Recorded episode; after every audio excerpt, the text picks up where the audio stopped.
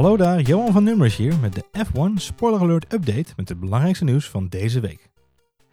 Het bleef na de race in Baku nog lang onrustig in de paddock. Natuurlijk was er veel aandacht voor het gevecht tussen de beide Red Bulls. But he's going to try and dive down. The inside they have crashed. They've gone into each other.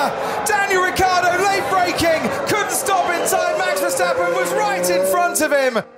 Hoewel de stewards besloten hebben dat het ongeval aan zowel Verstappen als Ricciardo kon worden toegeschreven, vond Mercedes-adviseur Niki Lauda het toch voor 70% de schuld van de Nederlander.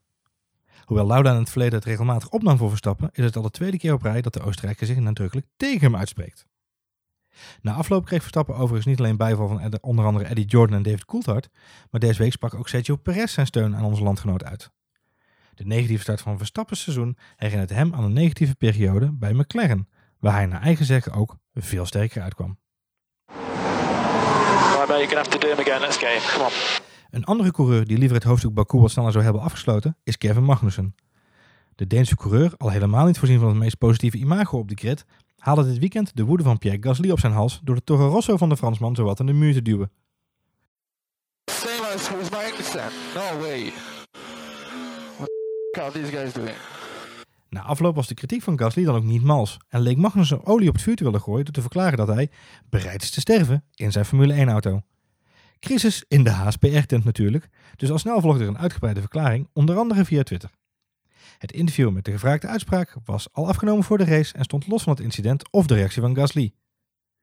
De Deen had de uitspraak gedaan om te onderstrepen met hoeveel passie hij de sport benadert en niet om te benadrukken dat hij daadwerkelijk zou willen sterven in een auto. Daarnaast had Magnussen al talloze keren zijn excuses aangeboden aan Gasly.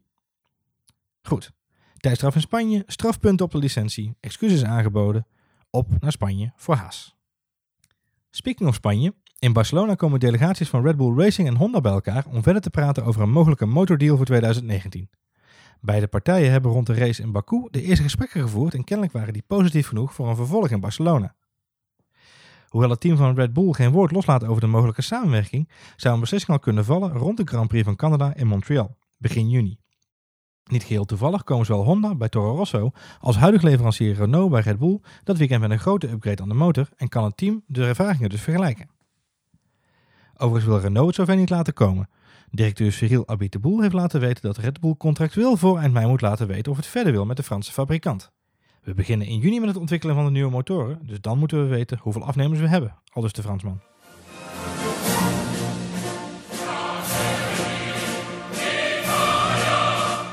Teambaas Sergio Marcione heeft nogmaals benadrukt dat er een serieuze kans is dat Ferrari zich terugtrekt uit Formule 1 na 2020 als Liberty Media niet met een aangepast financieel plan komt voor de sport na dat seizoen. Zoals bekend wil het Amerikaanse bedrijf de sport versimpelen qua motoren en de budgetten limiteren tot maximaal 150 miljoen dollar per team. Daarnaast wil Liberty Media de inkomsten tussen de teams opnieuw gaan verdelen en zorgen voor een meer level playing field. Ferrari kan zich niet schikken in de plannen van Liberty Media en wil dus opnieuw om tafel met alle betrokken partijen. Ook Mercedes-baas Toto Wolff heeft al laten weten zich niet te kunnen vinden in de voorstellen van Liberty Media, maar dat heeft alles te maken met die budgetlimiet van 150 miljoen dollar. Insiders laten weten dat het Duitse renstal momenteel het dubbele van dat bedrag tot hun beschikking heeft om het kampioenschap te kunnen winnen. Mocht Ferrari zich overigens terugtrekken, maakt dat in ieder geval ook een einde aan het jaarlijks terugkerende gerucht dat Sergio Perez naast Vettel mag gaan racen bij de Italianen. De Mexicaan, voorheen lid van het talentteam van Ferrari, werd na zijn podium in Baku toegevoegd aan de lijst van mogelijke opvolgers van Kimi Räikkönen. Net als in 2015, 2016 en 2017 overigens. Räikkönen's eerste reactie? Wow. Mocht je dit weekend nog een flinke slok uit je schoen willen nemen, pas dan wel op met het gebruiken van de term shoey, want deze week werd ook duidelijk dat Formule 1 licensing een officieel trademark heeft op dat woord. Hoewel de term al dik 15 jaar oud is, claimde Formula 1 de shoey in augustus vorig jaar en kreeg het een volledig trademark in diverse landen aan het begin van dit jaar.